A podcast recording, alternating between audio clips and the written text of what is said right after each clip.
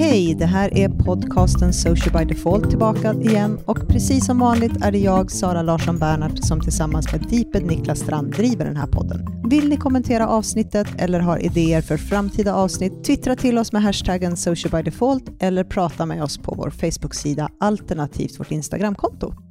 Hej Sara! Hej Niklas! Hur är det två veckor tillbaka till jobbet? Det är bra. Man, eh, det är roligt att vara tillbaka igen. Det går ganska fort att hitta tillbaka till sitt vanliga tempo, tycker jag. Men det känns att det har varit många tidiga morgnar. Man är inte van vid att gå upp så tidigt. Ja, du går ju lite extra tidigt upp numera.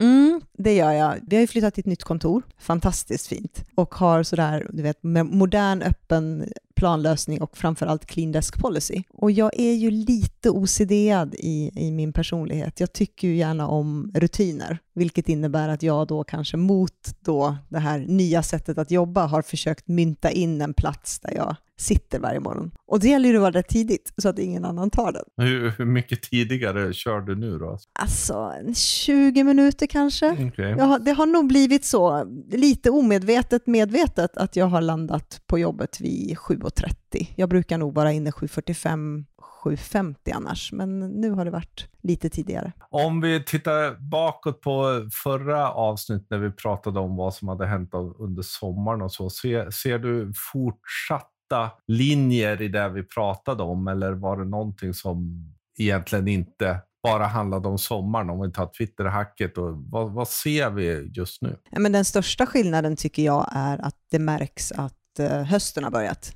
Det märks att folk börjar komma tillbaka, framförallt om man tittar i närområden. Sverige, mm. kontakter, svenska företag och sådär. Där börjar det bubbla ordentligt igen. När man sitter på ett företag som jobbar över hela världen så märker man ju att Europa å andra sidan har gått på semester. Ja, så där är det lite lugnare fortfarande. Vad, vad säger du själv? En, två förändringar egentligen. Dels så är det egentligen som vanligt och det är fortfarande högt tryck på sociala medier. Det är fortfarande högt tryck på digitala möten och allt det där. Men samtidigt en vilja att ändå gå tillbaka lite till att någonstans nivellera den här väldigt hardcore digital distancing-stuket till att faktiskt börja, okej, okay, hur ska vi leva det här länge? Därför de flesta börjar ju se nu att vi kommer fortsätta det här det här halvåret. Mm.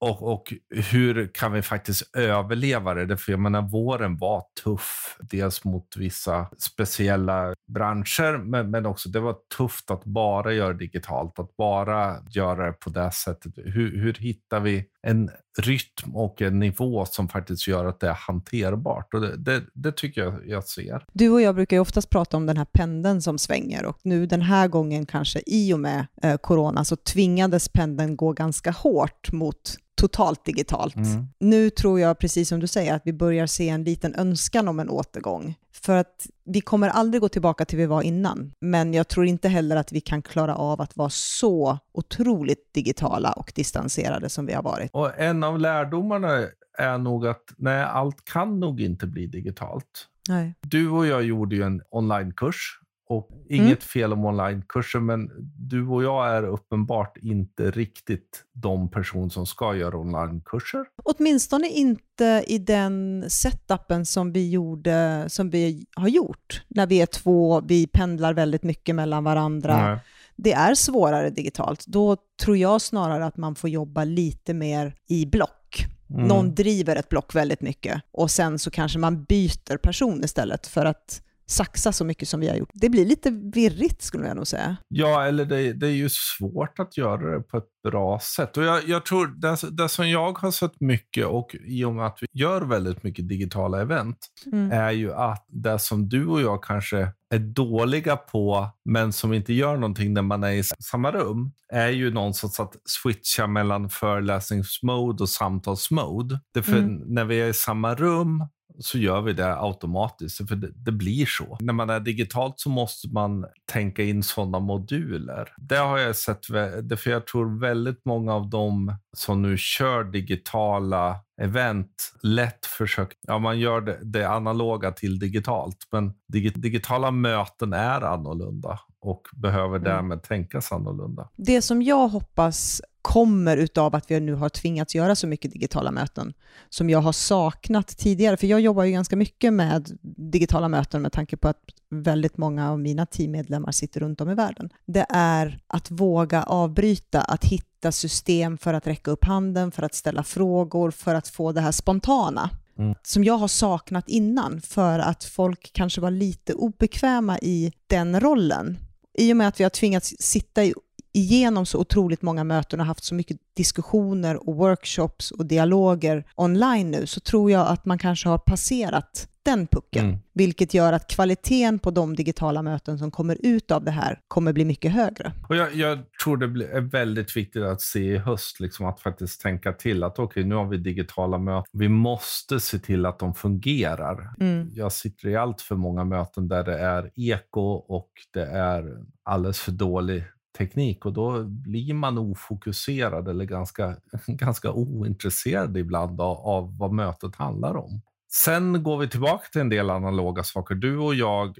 Hoppas vi. Ja, kommer ha, utgår jag från, en eh, till kurs på Bergs i september. Mm. Den kommer vara analog, på plats. Ja, Bergs har ju beslutat att eh, de vill försöka ha så många utav de traditionella kurserna som har gått i huset att faktiskt fortsätta dem analogt. De kurserna är oftast väldigt små, de har uh, möjlighet att jobba med klassrum och med möblemang på ett sådant sätt att man inte frestar på någonting utan att man, man ska känna sig trygg mm. och det ska finnas avstånd och distansering och så. Den kursen som blir nu i Bergs kommer vara på plats i huset, vilket jag tycker är vansinnigt roligt, för det var Väl, väldigt konstigt att vara där själva i, i, juni. Nu hade ju vi extra otur genom att det var verkligen de varmaste dagarna på hela sommaren som vi hade kurs. Vi klarade oss ju, för det, vi fick ju ett klassrum som var skönt tempererat. Men våra elever hade det tufft. Alltså att, att sitta, De hade det svettigt kan man nog säga. Sitta hela dagar vid datorn när det var 30 grader varmt och barnen ville bada. Och bra lärdom, men eh, ska det bli kul att göra en analog kurs. Vill man gå så finns det fortfarande möjlighet att anmäla sig. Hör av er till Bergs. Vi lägger länk i show notes såklart. Mm. Det här blir ju 41 kursen då, även om 40 känns ja. lite sådär. Det är ju lätt att känna att man kanske ibland duplicerar sig själv. Mm. Samtidigt som vi faktiskt gör om kursen för varje gång. Men ja, det finns vissa saker som är duplikat. Och det handlar väl om trygghet, det handlar om tids och resursbrist mm. ibland. Och eh, det är faktiskt det vi ska prata om idag. Inte just bergskurs, men just duplicerat innehåll i sociala kanaler. Mm. En sak som jag tror du och jag har lärt oss när vi har gått in på kundsidan, mm. som vi nog in, kanske inte riktigt alltid förstod när vi var som konsulter, så var det någon som sa att det här med resurser är, är ju knepigt. Och att skapa så pass mycket innehåll som man behöver göra mm. är inte alltid så lätt. Och då blir det väldigt lätt att börja duplicera innehåll på de olika kanalerna eller även att återanvända samma innehåll lite för snabbt. Ja, för vi brottas ju hela tiden med att skapa nytt och jag tror att när man sitter på ett företag så vill man gärna skapa unikt innehåll och nytt innehåll, men det tar väldigt mycket längre tid än vad man tror. Det finns oftast väldigt långa eh, korrekturvänder, man ska hitta rätt person som ska godkänna och för att få upp frekvensen i kanalerna så kanske man ibland tar den lite lättare vägen ut och det vi har sett genom åren och det vi fortfarande kan se är ju att man eh, använder samma innehåll i alla kanaler. Och när jag säger alla kanaler så tänker jag framför allt då på Facebook, LinkedIn och Instagram. Mm. Twitter är ju lite unikt på det sättet att man kan inte skriva så långt, så att då tenderar det bli väldigt komprimerat. Just för att vinna tid. En väldigt bekväm social media manager publicerar samma innehåll samma tid i alla kanaler samtidigt. En kanske lite mer kunnig social media manager då kanske sprider ut innehållet och jobbar med det över en eller två eller tre veckor i de olika kanalerna. Det dök upp en tråd i en grupp häromdagen som både du och jag engagerade oss i och det var just frågan hur mycket kan man återanvända material? Alltså helt enkelt posta någonting och så låta det gå. I det här fallet då var frågan två veckor kan vi använda samma material igen och göra ytterligare en publicering just för att de behövde få upp frekvensen. Och det blev en ganska intressant dialog. Frekvensen är ju en, en ganska viktig sak. Det går ju inte längre att tänka vi gör en postning i veckan och that's okay. Mm. Och Det som har hänt den senaste tiden är ju att eh, det här har ju plattformarna märkt mm. och faktiskt börjat dra åt tumskruvarna. Och det här har ju pågått ett tag, men det intressanta är att den senaste tiden så har i princip alla flaggat för att de kommer börja titta på det här. Och, och, och därmed blir det ju en ganska viktig sak att fundera hur hanterar vi faktiskt innehåll som är samma sak, men hur gör vi det så pass stor skillnad att dels fungera olika utifrån de olika kanalerna, Eh, men också när det gäller att återanvända det på samma plattform. Det för lite som om du har ett det problemet vi har det kanske lite mindre. Någonstans man, man gör innehåll, man har flera sidor. Det är ett innehåll som alla som följer den borde se. Hur, hur, bygger man det på ett smart sätt så att man inte fastnar i duplikatfällan? Det, det enklaste sättet som man fortfarande kan brottas med är ju när man har flera sidor fast det är på olika språk då kan ju man faktiskt sätta ett innehåll, men de blir ju översatta och då blir det ju aldrig duplikat eftersom du har ett annat språk som ligger till grunden för upp själva uppdateringen. Men om man sitter i ett företag där man har flera sidor på samma språk, då blir det ju en, ett, ett problem. Och det vi har sett, den första som egentligen var ganska öppen med att duplikat kommer att påverkas och framförallt straffas ganska hårt när det gäller räckvidd och impressions var ju egentligen LinkedIn. Mm. Vi har ju pratat om det här med att dela och att delningar på LinkedIn upplevs som duplikat och att själva delningen då blir väldigt hårt straffad. Det här har vi också sett på sidor och de har dessutom gått ut och sagt det i algoritmen att det här är en av de kriterier de faktiskt tittar på när man som sida och eller individ, privatindivid, publicerar någonting på LinkedIn. Och bland de här olika eh, stegen då som granskar innehållet är, har vi sett den här posten tidigare? Är det ett duplikat? Ja eller nej? Är svaret ja på den frågan, då kommer posten att få en avsevärt lägre räckvidd. Den andra frågan i det här är också, är den här posten unik för den här sidan eller den här personen? Återigen, har vi sett det förut? Är det ett mm. duplikat? Mm. Och det tycker jag att man märker otroligt tydligt när man börjar granska sina poster när man återanvänder. Och här finns ju ett problem, till exempel eh, den sista är den unik. Om man till exempel har en serie poster som kan vara unika var för sig, men mm. du driver mot samma länk. Mm, precis. För då hamnar du ju delvis i ett duplikat, men också så har vi ju sett, du och jag till exempel ser ju det ganska ofta. Vi har väl, jag skulle gissa att ungefär kanske 40-50 procent av våra kontakter. kontakter. på LinkedIn är samma. Mm. Och när vi till exempel lägger ut saker om podden och mm. lägger samma länk eller ungefär samma text, så den som är först får mest och den som kommer efter blir ju straffad. Ja, van, vansinnigt straffad ja. skulle jag säga. Det är ju inte ens en tiondel av vad man brukar ha på de posterna. Och den hänger ju ihop, det är samma länk, det är ofta samma bild. Alternativt så är det bara länk som plockar upp Open Graph Tag. Det kan vi också märka som, som sida när vi har väldigt speciellt innehåll som kanske bygger på en video utan text, utan ljud. Ta International Pie Day for example, då vi gör ett innehåll, vi, vi har en, en video, vi lägger ut det till alla våra länder, vi använder en sida som postar. Visserligen är ingressen på olika språk, men eftersom huvudmediet är exakt samma så märker vi att den första som publicerar får oftast bäst räckvidd, bäst engagemang och sen blir de andra länderna ganska hårt bestraffade. Mm. Och det har varit så uppenbart under så många gånger när det har hänt, när vi verkligen har tittat att uh, det finns ingen, ingen annan anledning annat än att det är just att det är duplikat som gör ja. att det blir så. Och, och, Det som är intressant med LinkedIn är ju att de har ju också en lite speciell syn på sig själva egentligen. Därför delar du en sidpostning blir det också duplikat. På, mm. på något väldigt märkligt sätt. Och Det där har de ju inte kanske rakt av berättat, men de har ju faktiskt erkänt det i diskussioner. Och det, det innebär ju att allt som är native är väldigt viktigt. Mm. Att, att hela tiden driva mot länkar och så är kostsamt i vissa fall. Och framförallt om man försöker då få ambassadörer och så att göra så behöver man tänka till rejält. Liksom, var kommer länken ifrån? Hur mycket kan, är vi beredda att förlora och framförallt får ambassadörerna själva ut någonting alls av? Nej, den, den är ju svår. Och vill man då få hjälp av externa experter eller externa ambassadörer så får man nästan ge dem en liten palett av olika bilder och olika texter som de själva får pussla ja. ihop. Att man inte ger dem ett helt färdigt innehåll utan man säger att okej, okay, här har vi sex olika textuppdateringar som funkar till de här sex olika bilderna.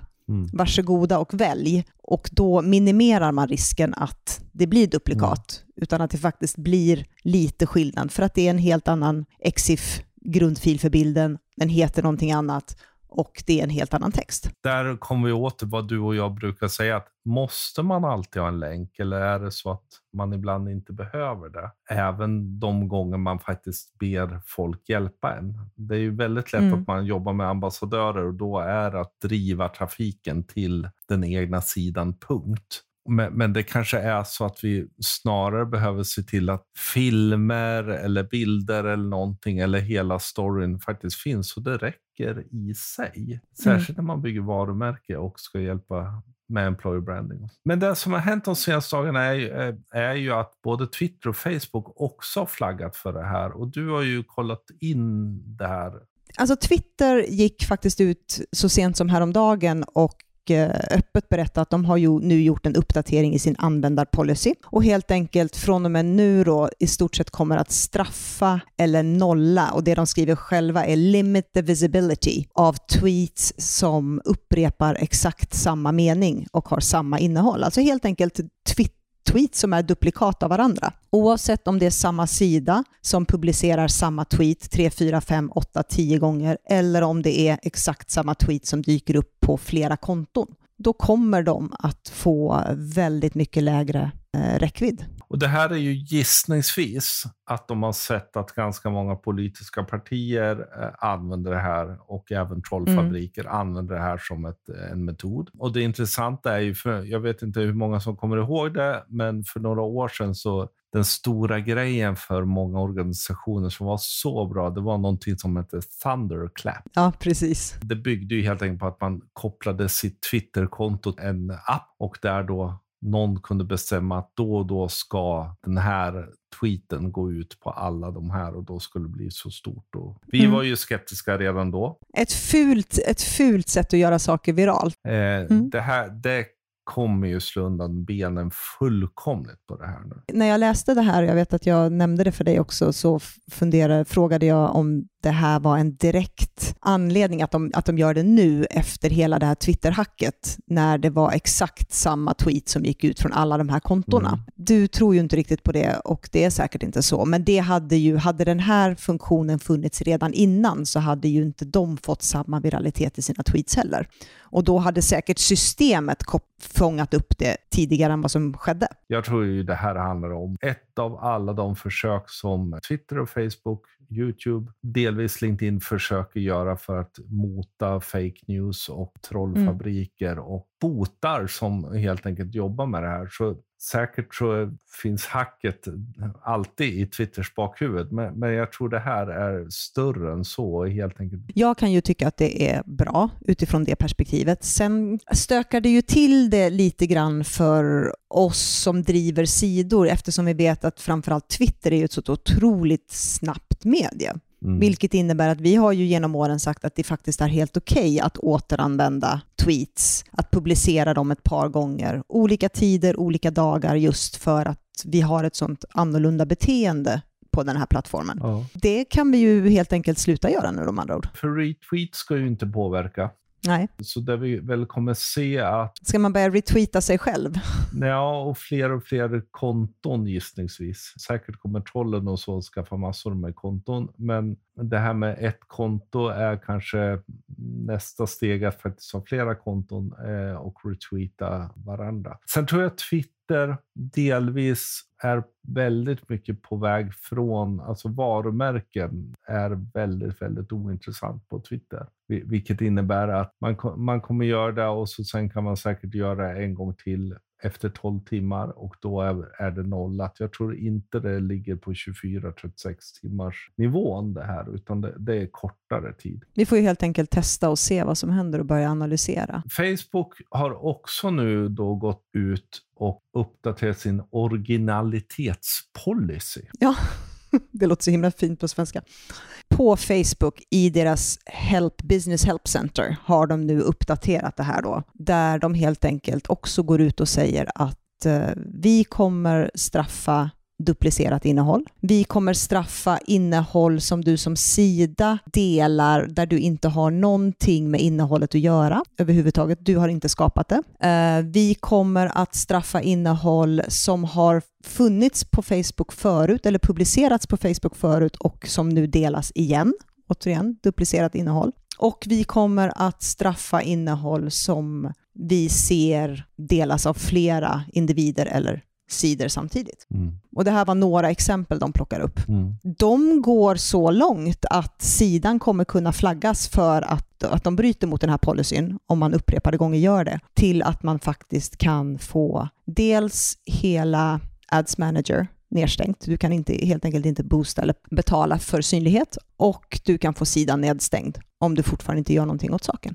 Att det kommer nu handlar om amerikanska valet. Allt annat mm. är liksom bara naivt att tro. Det handlar om att man vill undvika syndikaliserade sidor. Men det handlar ju också om att gå emot de här roliga filmersidorna mm. som så har väldigt mycket trafik. Många delar det för det är kul, många engagerar sig och de kan köra ut samma filmer på flera sidor och därmed framförallt då, Facebook har ju numera en liten, väldigt limiterad eh, version av att, att få då monetisering. Och, och det där har ju många försökt göra. Så det är ju både att, att de kommer... Det här innebär säkert att vi kommer se mycket mer monetarisering, men då försöker de mota Olle Grind nu med det här. Men som sida så blir ju det här oerhört knepigt. Eh, framförallt om man har många sidor. Ja, alltså det här med att sidor ska dela andra sidors poster, det vet vi ju inte har funkat speciellt bra under ganska lång tid. Där är ju så pass illa att det, som sida att dela en andra sida posting är i princip att man är dead on arrival, alltså att man får inget ut av det. Det man kan göra då som Facebook säger om man då har innehåll som man vill återanvända eller i det här fallet kanske har en sida som man vill då dela det innehållet, det är att man helt enkelt behöver skriva mycket längre ingresser, man behöver lägga en voiceover, man behöver göra någonting med materialet där man lägger ner ganska mycket tid själv för att förändra det så att själva content-biten blir unik, även om det är en återanvänd post. Då kan man komma runt det. Mm. Förutom då valet, det de helt enkelt vill är ju att vi hela tiden ska få nytt och fräscht innehåll i våra flöden. Att vi inte vill se samma sak om och om, om igen. Du och jag har ju haft det ganska faktiskt tufft de senaste åren när vi hävdar med dårars envishet att längre texter funkar och är viktiga. Mm. Det här är ju något. Ska du återanvända eller ska du använda annat innehåll så behöver du jobba med din caption och den kan inte vara två meningar. Därför det är inte tillräckligt hög kreativ nivå, hög unik nivå. Och det här hänger ju ihop med allt innehåll. Att mm. faktiskt mm. börja inse att även om det finns en read more och då tycker alla att nej, men det ska man försöka undvika så är det fortfarande att de läser allting, allting räknas. Det, det jag undrar då, framförallt när det gäller Facebook och den här då duplikat eh, policyn, då, eller vi ska inte duplicera, det är ju då om man sitter i en situation där man har en franchiserkedja, man har x antal sidor som är kopplade till en huvudsida på Facebook, alternativt att man har fristående sidor, men är i en franchiseverksamhet. Jag menar, ta Espresso Condeco, House, Espresso House eller liknande. Det är ju ganska vanligt att, att grupper appen då sitter och skapar innehåll som levereras till de här olika sidorna och då antingen ska översättas till lokalspråk eller då bara läggas ut. Hur mycket kommer de här straffas? Det är en väldigt bra fråga. Eh, det, det, här är ju en fråga som du och jag har haft uppe på ganska många kurser. Mm. Sådär. Och framförallt börjar man titta på de som har väldigt många sidor så är det ju tyvärr så att de lyckas ju inte själva skapa innehåll varje sida. Jag menar Espresso House har flera hundra sidor därför varje café har en egen. Så det bästa är ju faktiskt att någon faktiskt börjar skapa innehåll som kan pytsas ut i de separata kanalerna och därmed faktiskt de som då följer sin favorit Espresso House kan få någon, någonting till livs. Ja, och de är inte ensamma. Jag menar, Coop jobbar på samma sätt, Hemköp jobbar på samma mm. sätt, Kvantum jobbar på samma sätt. Så det här är ju ett, ett vedertaget sätt att arbeta när man vill hålla ihop varumärket, mm. framförallt kanske på en och samma plattform. Det jag funderar på är ju att det finns ju system på Facebook där man kopplar allting till en huvudsida, att alla undersidor hänger ihop. Mm. Till exempel om man går in på vår sida och tittar så kommer man se att det finns en vansinnig massa följare. Men det är ju för att alla våra sidor kombinerat genererar det. Att Facebook kanske där, när man då ser att man är sammankopplad med en modersida och undersidor inte straffar det på samma sätt. Och vi kommer se samma sak på Instagram snart. Mm. Och de har en bildigenkänning som, som blir hårdare och hårdare. Så det handlar nog snarare om att börja också titta på hur kan vi jobba med Creative Studio som finns för Facebook och Instagram när det gäller till exempel alltså, deras libraries och sådana saker. Är det så att vi kommer behöva se till att någon har hand om varje sida och faktiskt är aktiv på det? Och det här återigen en resursfråga. Och helt enkelt att gruppen får snarare bygga, bygga upp saker i library. Så lite som du var innan om man jobbar med ambassadörer. Alltså att det, det inte mm. är en grej som sen pushas ut till alla samtidigt, utan faktiskt så måste varje sida producera sitt eget. Alternativt så får man helt enkelt inse att det funkar inte att ha egna sidor för varje café eller varje Nej.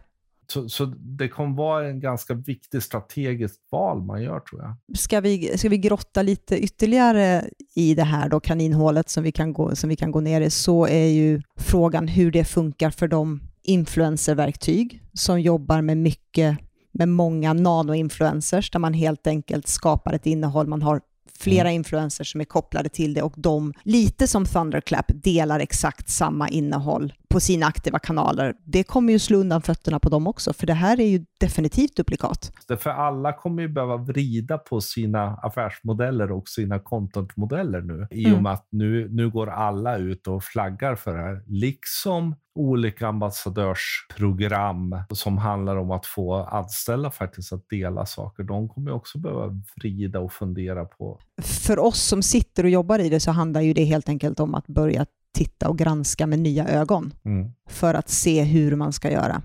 Men hur ska man då, du sitter och jobbar och gör massa innehåll, jag sitter och jobbar och gör massa innehåll, vi har olika många sidor som vi sköter. Hur gör man då för att få det unikt?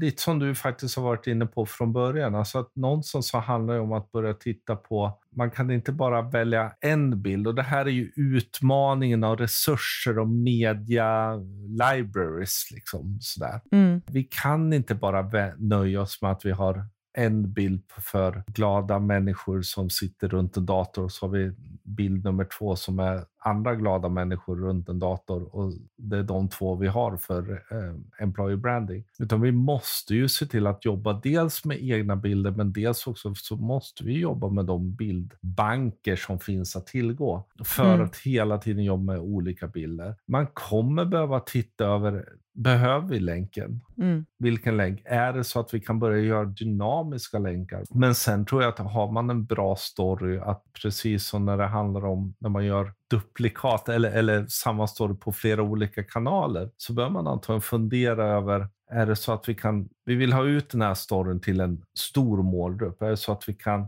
plocka ner den målgruppen i mindre bitar, se till att vi gör captions som stämmer överens med deras, alltså förstå målgruppen ännu mer, så att de förstår mm. med deras vardag och därmed faktiskt komma undan duplik katet. Eller så får man helt enkelt gå in i Photoshop och så får man spara ner fem olika varianter och döpa varje bild till ett eget namn och jobba med eh, massa olika typer av ingresser för att minimera duplikaten. Jag vet inte.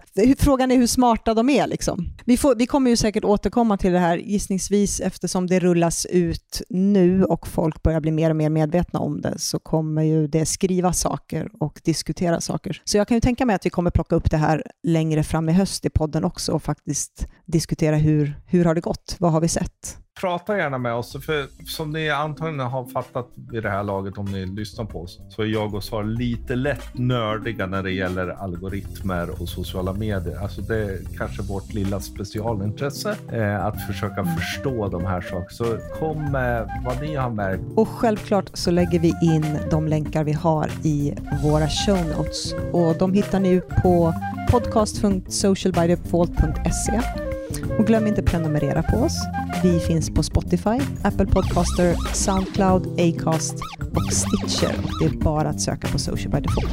Om ni gillar den så ge den gärna betyg. Recensera gärna. Och som vi tidigare sagt, och framförallt tyck till, prata med oss, använd hashtaggen Social by Default. Vill ni nå oss på Twitter, på Facebook, på Instagram så har vi konton där. Mm. Vill man prata med oss personligt så heter jag Deeped överallt. Och jag heter Sanna Si LB överallt. Ha det så bra till nästa gång. Hej då. Vilket konstigt slut.